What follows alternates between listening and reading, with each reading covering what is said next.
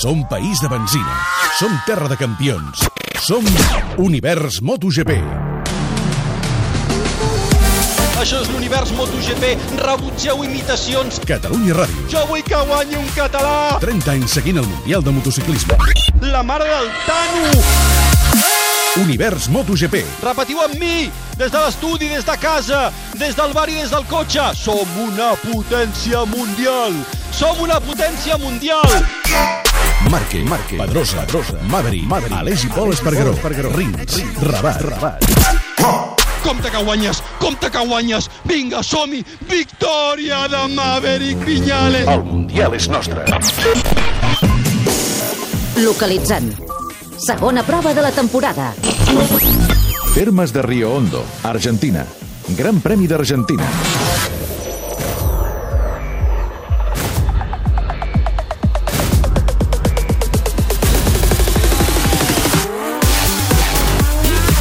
Una primera cursa de Mundial i ja podem treure les primeres conclusions. La Yamaha va bé, molt bé, i el Maverick la fa anar bé, molt bé. Una altra vegada, Marc Márquez no comença el Mundial amb la moto que ell voldria. No té l'acceleració que té la Yamaha. Però, amics, a l'Argentina ha plogut una mica. I sobre la pluja, el Marc fins ara ha estat el millor. Com l'any passat, el Marc haurà de tirar de talent i pressionar Honda perquè, a marxes forçades, li millorin la màquina i pugui competir en totes les condicions. Ara mateix, aquest Mundial comença amb olor de Yamaha, però el tro és molt tro. Torre de control, David Clopés.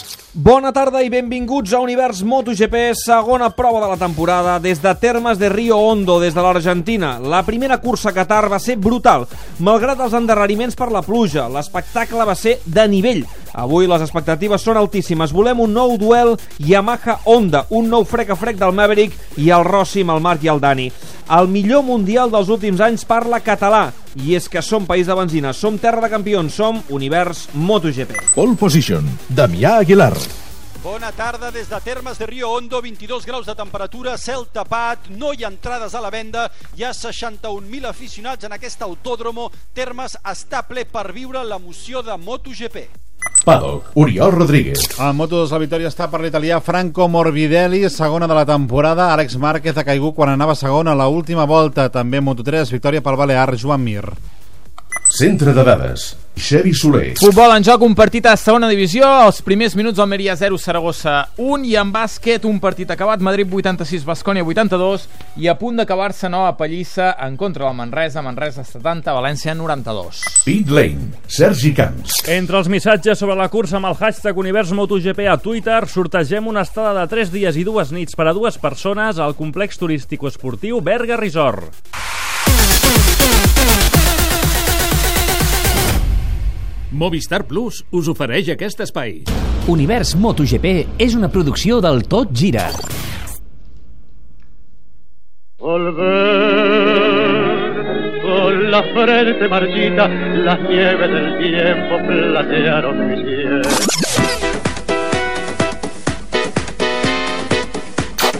El Mundial és nostre.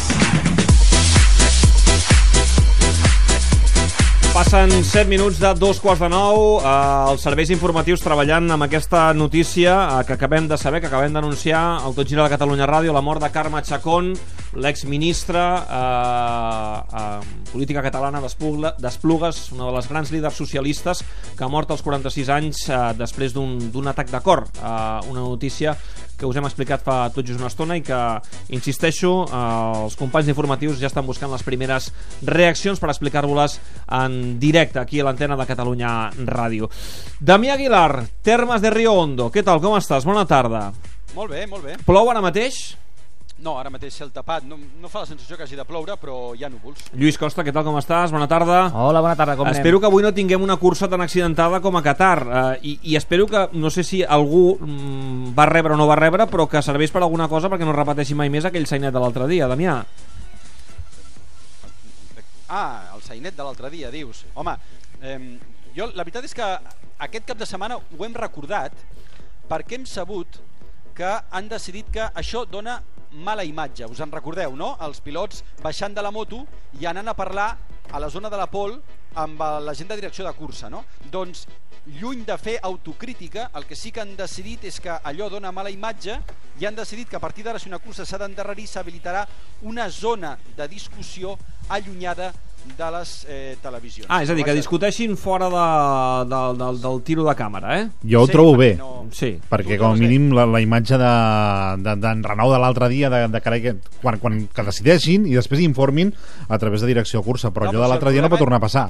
Escolta'm, el problema és que no informaran, perquè aquest cap de setmana hem sabut coses que no han estat informades oficialment. Per tant, això tornarà a passar. Jo crec que estava bé. A mi no em sembla malament, perquè al final eh, la RADA o, o, o les persones que podrien diguem-ne haver-se equivocat en, en aquesta història no, ja et dic, no, jo crec que no han fet autocrítica i aleshores la, la, la, la idea és tapar el que sembla que sigui de, de mal gust. No, no, em sembla que si la premsa té dret a estar eh, és precisament allà a sobre.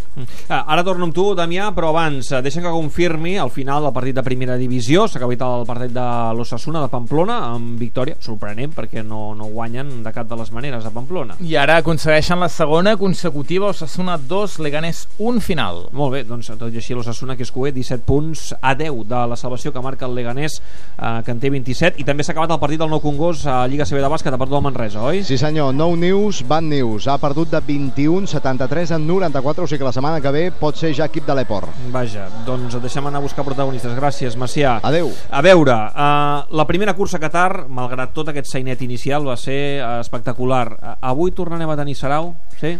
I tant, i tant que veurem Sarau. És el que tots volem. Uh, han fet uns entrenaments uh, amb sec, amb aigua, uh, no en condicions amb el terra del tot mullat, 100%, però bueno, hi ha hagut aigua i amb sec uh, hi ha uns favorits, amb el terra mig moll mig sec uh, hi ha encara més favorits. Aleshores, com que està amb sec, eh, m'agradaria i trobo que veurem un duel per fi uh, Maverick Viñales, uh, Marc Márquez. Té bona pinta, home, i això evidentment és el que volem nosaltres, que els dos catalans se la juguin a, en la lluita pel títol. N'hi ha un de català que no el tindrem a, en condicions de competir, l'Àlex Rins, que és a la grella sortida, però recordeu, es va lesionar i Damià ho té fumut avui, eh? Sí, però vaja, jo diria que prou bé tenint en compte que ha arribat amb una fractura sense desplaçament en un turmell que li ha molestat i jo crec que acabar la cursa serà prou bon resultat. 20 minuts i comença la cursa. S'han disputat, ho hem seguit abans al Tot Gira, les curses de Moto2 i Moto3. Oriol? Sobretot mala sort perquè, pel que fa Alex Márquez, que ha rodat a la segona posició durant molta estona i ha caigut a, a l'última volta. Sempre, deixem-ho dir així, és una putada quan cau un pilot català o un pilot, però sobretot a l'última volta quan està lluitant per coses importants. Franco Morbidelli, que ja se'n va una mica, 50 punts, segona victòria. Jo no sé si el Damià i el Lluís el veuen com a clar candidat a guanyar a, el títol. I tant. Sí, home, Sí? sí? i tant, i tant, sí, sí. Aquest noi és molt bo i té una bona escola i té gana. I el Joan Mir, que ha aconseguit també una gran victòria en Moto3. De fet, hem repetit el podi de Qatar, Sí, i, i això és important perquè sí que és cert que en Moto2 és més fàcil aconseguir repetir victòria, però en Moto3, com tu deies abans, amb aquest trenet, és molt complicat en Moto3 aconseguir victòries consecutives i de moment el Joan Mir ho ha aconseguit i per tant doncs, a líder del Mundial. 50 punts, dues victòries en dues curses. El Joan Mir, que és balear, que té 19 anys, ens ha parlat abans el Damià, que és un pilot de molt talent, eh? Té, molt, té Sí, molta... sí, no. Pas, parla, parla, Damià. No, no, dic que a, a mi em sembla que va molt ràpid, aquest home ve de la Red Bull Rookies, segurament no va acabar de destacar al 100% a la Red Bull Rookies, però aquí al Mundial s'ha fet un forat i jo crec que és el principal favorit ara mateix per la Lluís, que t'ho preguntava tu, digues. Sí, no, uh, efectivament, com deia el Damià, uh, jo el porto seguint aquest pilot des de la Red Bull Rookies Cup, uh, després pel pas per uh, Moto3 al CEPFIM, i ja se li veia, ja se li veia que té maneres, és un pilot molt agressiu, és un pilot uh, simpàtic i que cau bé. El Joan Mir, amb qui ha parlat el Damià al final de la cursa.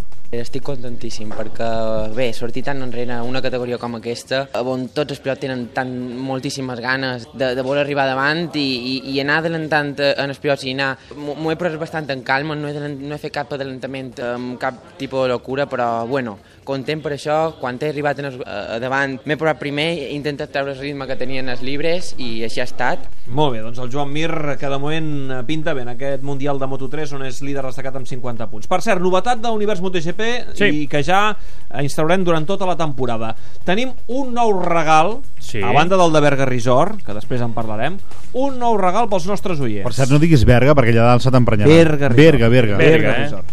Intentarem dir-ho bé. Doncs a banda del regal de Berga Resort... Berga. Berga Resort, perdona, veus? És el subconscient. uh, tenim un altre regal que hem penjat ara fa una estona al Facebook i al Twitter. És un sorteig que fem d'unes ulleres de la marca Skull Rider. Unes ulleres eh, molt Ah. maques que fa poc doncs, eh, va lluir Jorge Lorenzo. I com les podeu aconseguir, aquestes ulleres? Doncs us hem demanat a través de Facebook i de Twitter que intenteu encertar el podi de la cursa de l'Argentina. Estem desbordats, ha sigut un èxit brutal, estem rebent moltes eh, respostes. Entre les persones que encertin al podi farem aquest sorteig d'aquestes ulleres model, ho tenia per aquí, model, eh, model que, que, Café Racers. Café Racers. Sí. Eh, Molt bé, doncs ja podeu Cafè fer Racer, el, el, el, Cafè Racer, sí. Cafè Racers, Racers, perdó, sí, mira, Cafè ho tinc aquí, amb una R. bé, això. És que no, no. s'ha de posar ulleres. Unes cafè racer. No, però espera, que, que, que de- deixa'm fer aquest apunt, que ho he buscat. Saps què és això del Cafè Racers? Què és això? A veure. Segons la Viquipèdia, que és una font molt fiable, eh, és un estil de motos dels anys 50 que diu, eh, Sí, la, senyor. la llegenda diu que es basava en que les motos servien per anar de cafè en cafè. Molt bé. Per això ve aquest nom de Cafè Racers. Nosaltres ja ho hem penjat això a Sí, xarxes a fa una Twitter estona, per i a tant, Facebook. aquells que heu estat atents ja heu pogut enviar el vostre podi perquè, clar, evidentment eh, tancarem les votacions Abans de la cursa, clar. i per tant, aquells Seria que voteu, fàcil. envieu el vostre podi més enllà de les 9, ja no participareu al concurs d'aquestes ulleres. Molt bé, eh, ara mateix 16 minuts i començarà aquest Gran Premi de l'Argentina. Repassem graella de sortida del Gran Premi de l'Argentina. El nou model Cafè Racer de Skull Rider, creades per lluitadors, us ofereix aquest espai.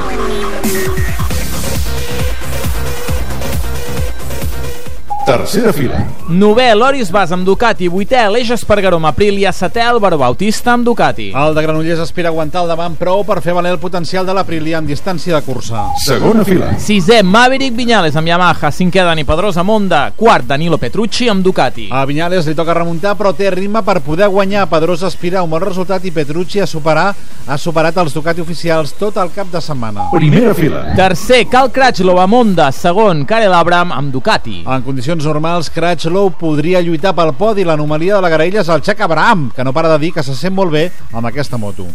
Pole position. Marc Márquez amb Honda. Quatre pols en quatre anys consecutivament a termes. El tron no renuncia ni a la victòria, però en sec ho tindrà complicat. El seient del darrere. Quarta fila, Álvaro Bautista amb Ducati. Sisena, Jorge Lorenzo amb Ducati. Pol Espargaró amb KTM. Setena, Tito Rabat amb Honda i Héctor Barber amb Ducati. Vuitena, Àlex Rins amb Suzuki. Skull Rider, la marca de moda de Jorge Lorenzo, et proposa les noves ulleres de sol model Cafè Racer. D'inspiració retro, les Cafè Racer fusionen la velocitat i el món vintage. La nova Limited Edition, creada especialment per la carrera d'Argentina, aposta per unes ulleres guanyadores. Aconsegueix ara les teves Cafè Racer a la web skullridering.com. Fa un any a l'univers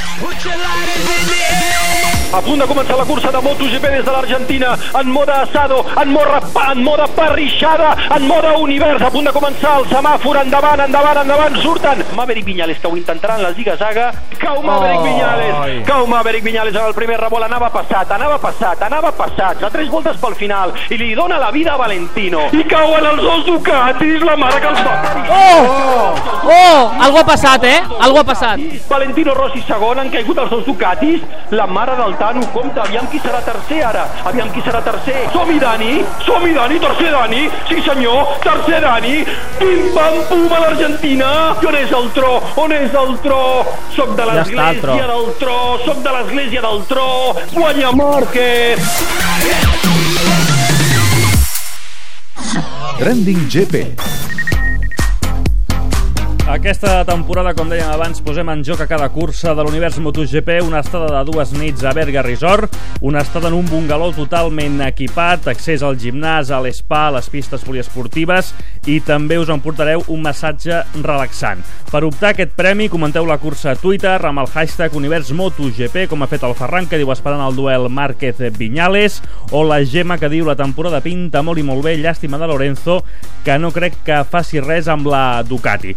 I a les xarxes s'ha fet força viral un vídeo que nosaltres hem penjat al nostre Facebook, facebook.com barra tot gira, de Márquez i Pedrosa a fer una calçotada amb l'equip Repsol Honda. Hem de destacar que Márquez fa de mestre de cerimònies i ensenya a la resta de gent com es mengen els calçots. Molt bé. Has estat mai en un resort? Bé, el Berga Resort. Eh? On què? Si has estat mai al Berga Resort, on pots viure en un bungalow, entrar i sortir del Wellness Center, banyar-te i nedar en piscines per tots els gustos, disposar d'un servei fantàstic... Jo no, i tu? Sí, però junts serà diferent. Ah, i on és? A Berga, i anirem per la C16 i al quilòmetre 96 agafarem la sortida 95 Berga Sud i ja hi serem. Molt bé, i anirem tota la família. Moments universals. Romacar, concessionari oficial Ford a Barcelona i al Baix Llobregat, t'ofereix aquest espai. Moments universals.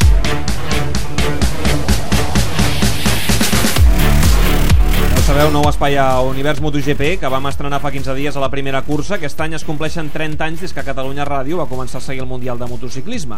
Aquesta temporada, cada cap de setmana de cursa, ens hem proposat recordar algun moment històric del Mundial d'aquests uh, últims 30 anys. La setmana passada van recordar el Mundial de 250 del Cito Pons, l'any 88. Avui, el Mundial de 500 del mític Àlex Cribiller.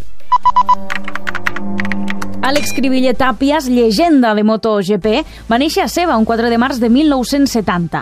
El seu primer podi al Mundial va ser a 80 centímetres cúbics al circuit de Jerez, l'any 1987. Aquella va ser la primera cursa en què Catalunya Ràdio va tenir un enviat especial al Mundial de Motociclisme. Cribiller es va proclamar campió del món de 125 amb un JJ Cobas fabricada a Catalunya. Va ser un 27 d'agost de 1989 a República Txeca. Va haver d'esperar 10 temporades per sumar el segon. Però quin segon títol? Esperem l'arribada d'Àlex Cribiller, ha arribat a Navarros, quart, cinquè de Giberneu i atenció que el pilot de Seva acabarà la cursa a la sisena posició perquè pel que sembla Tadayuki Okada. Tadayuki Okada no el pot avançar. Que bé ha defensat la posició? Àlex Cribiller Àlex Cribiller campió del món dels 500 centímetres cúbics. El nen de Seva de fa 10 anys. Acaba de fer història.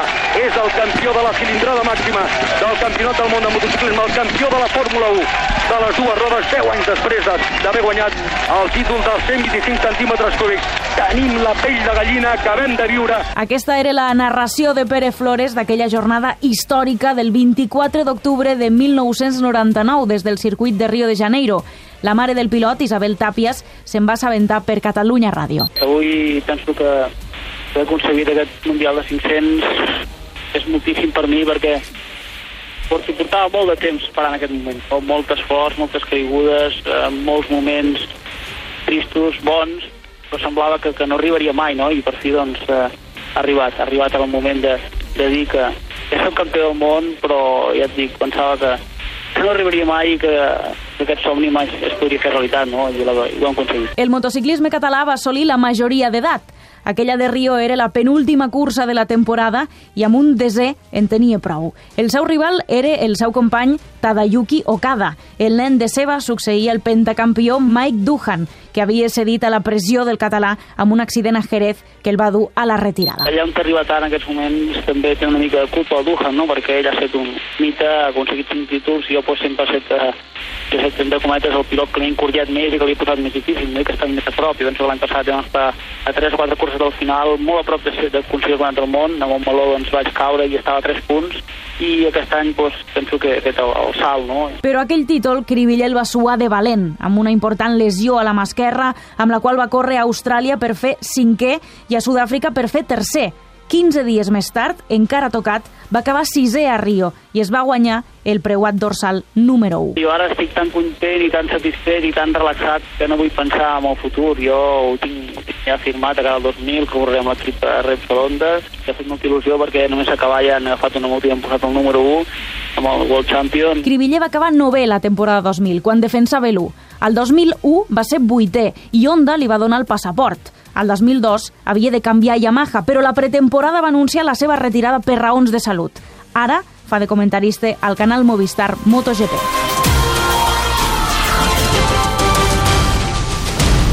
Romacar, concessionari oficial Ford a Barcelona i al Baix Llobregat, t'ofereix aquest espai.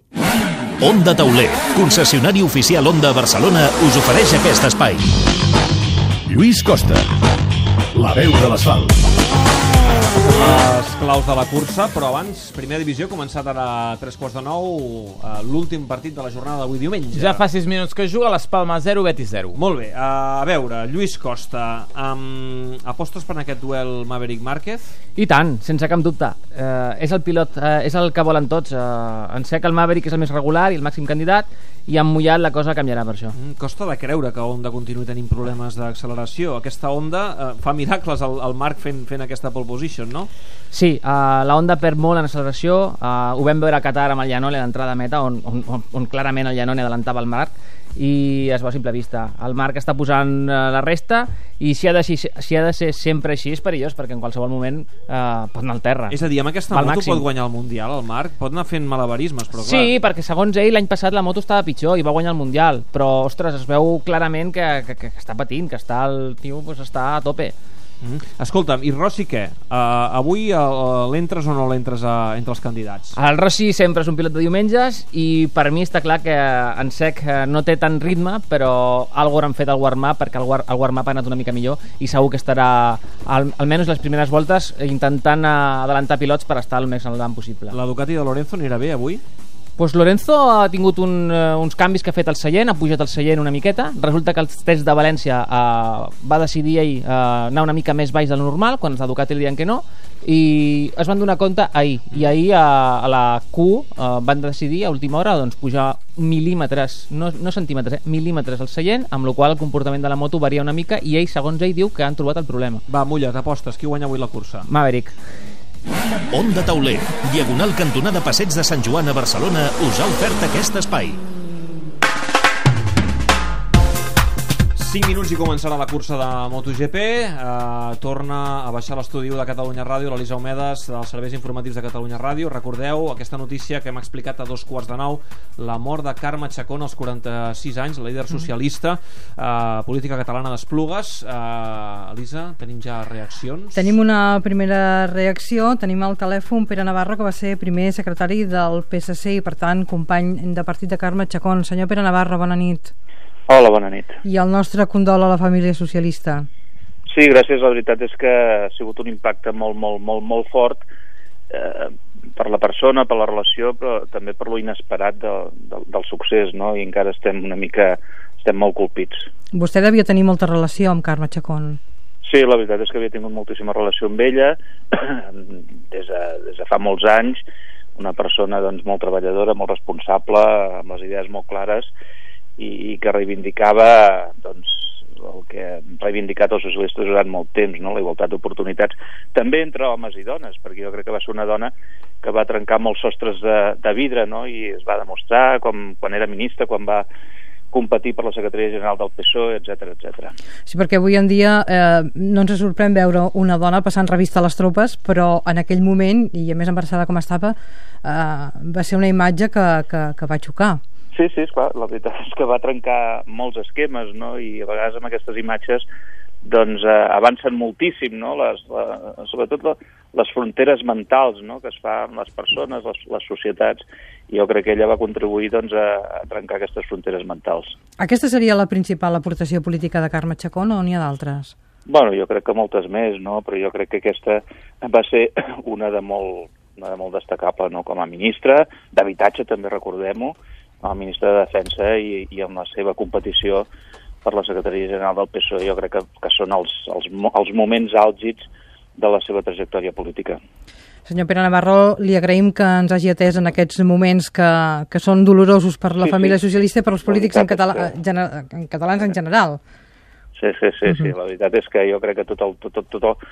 Bueno, és que insisteixo, no és, és, és molt inesperat no? que una persona doncs, doncs, pugui acabar d'aquesta manera tan jove i amb tanta energia i amb tantes coses per fer encara. Però vaja, les coses són així. Senyor Pere Navarro, moltíssimes gràcies per atendre'ns. Gràcies a vostè. Bona nit. Bona nit. Doncs hi ha altres, altres reaccions que arriben, eh, la majoria a través de Twitter, una de molt significativa, la de Mariano Rajoy, la del president del govern espanyol, diu el meu més sentit condol a la família, amics i companys de Carme Chacón, una gran política amb sentit d'estat. I firma MR, que això vol dir que el tuit l'ha fet ell mateix.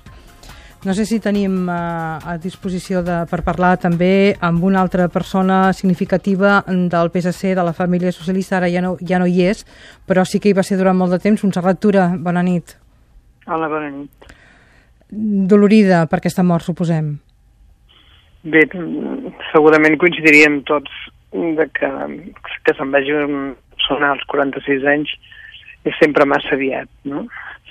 Sempre és massa aviat. Morir-se sempre és massa aviat, però als 46 anys és que és um, una cosa sobtada, difícil d'analitzar, i de totes maneres, efectivament, ha estat una vida intensa d'entrega als afers públics. Si podem estar més o menys d'acord amb el que va fer i amb el que va dir i amb, les posicions que va defensar, però va fer-ho amb una intensitat i amb una entrega que crec que era admirable i va situar la cara de una generació de dones joves que ja, sabia, ja havien crescut en llibertat i en democràcia que s'incorporaven a les responsabilitats polítiques i això li haurem d'agrair sempre perquè des de la família socialista, però eh, des d'una certa divergència, eh, Carme Chacón encara podia portar bastant a la política, no?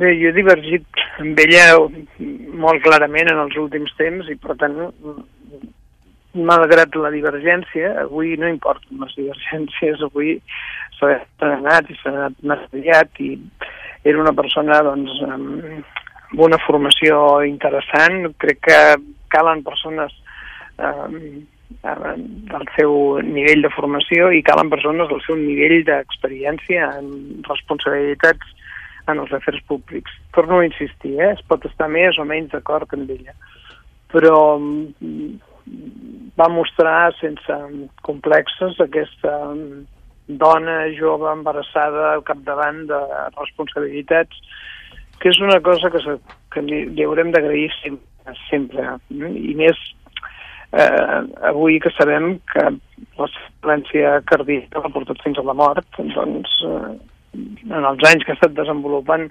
aquestes activitats, ella ho ha fet mm, oblidant això i, i, i, i posant-se al capdavant de totes les responsabilitats que li arribaven. Per tant, la meva admiració i el meu reconeixement, la meva tristesa, la meva solidaritat a la família i a tots els companys, i avui les divergències no importen.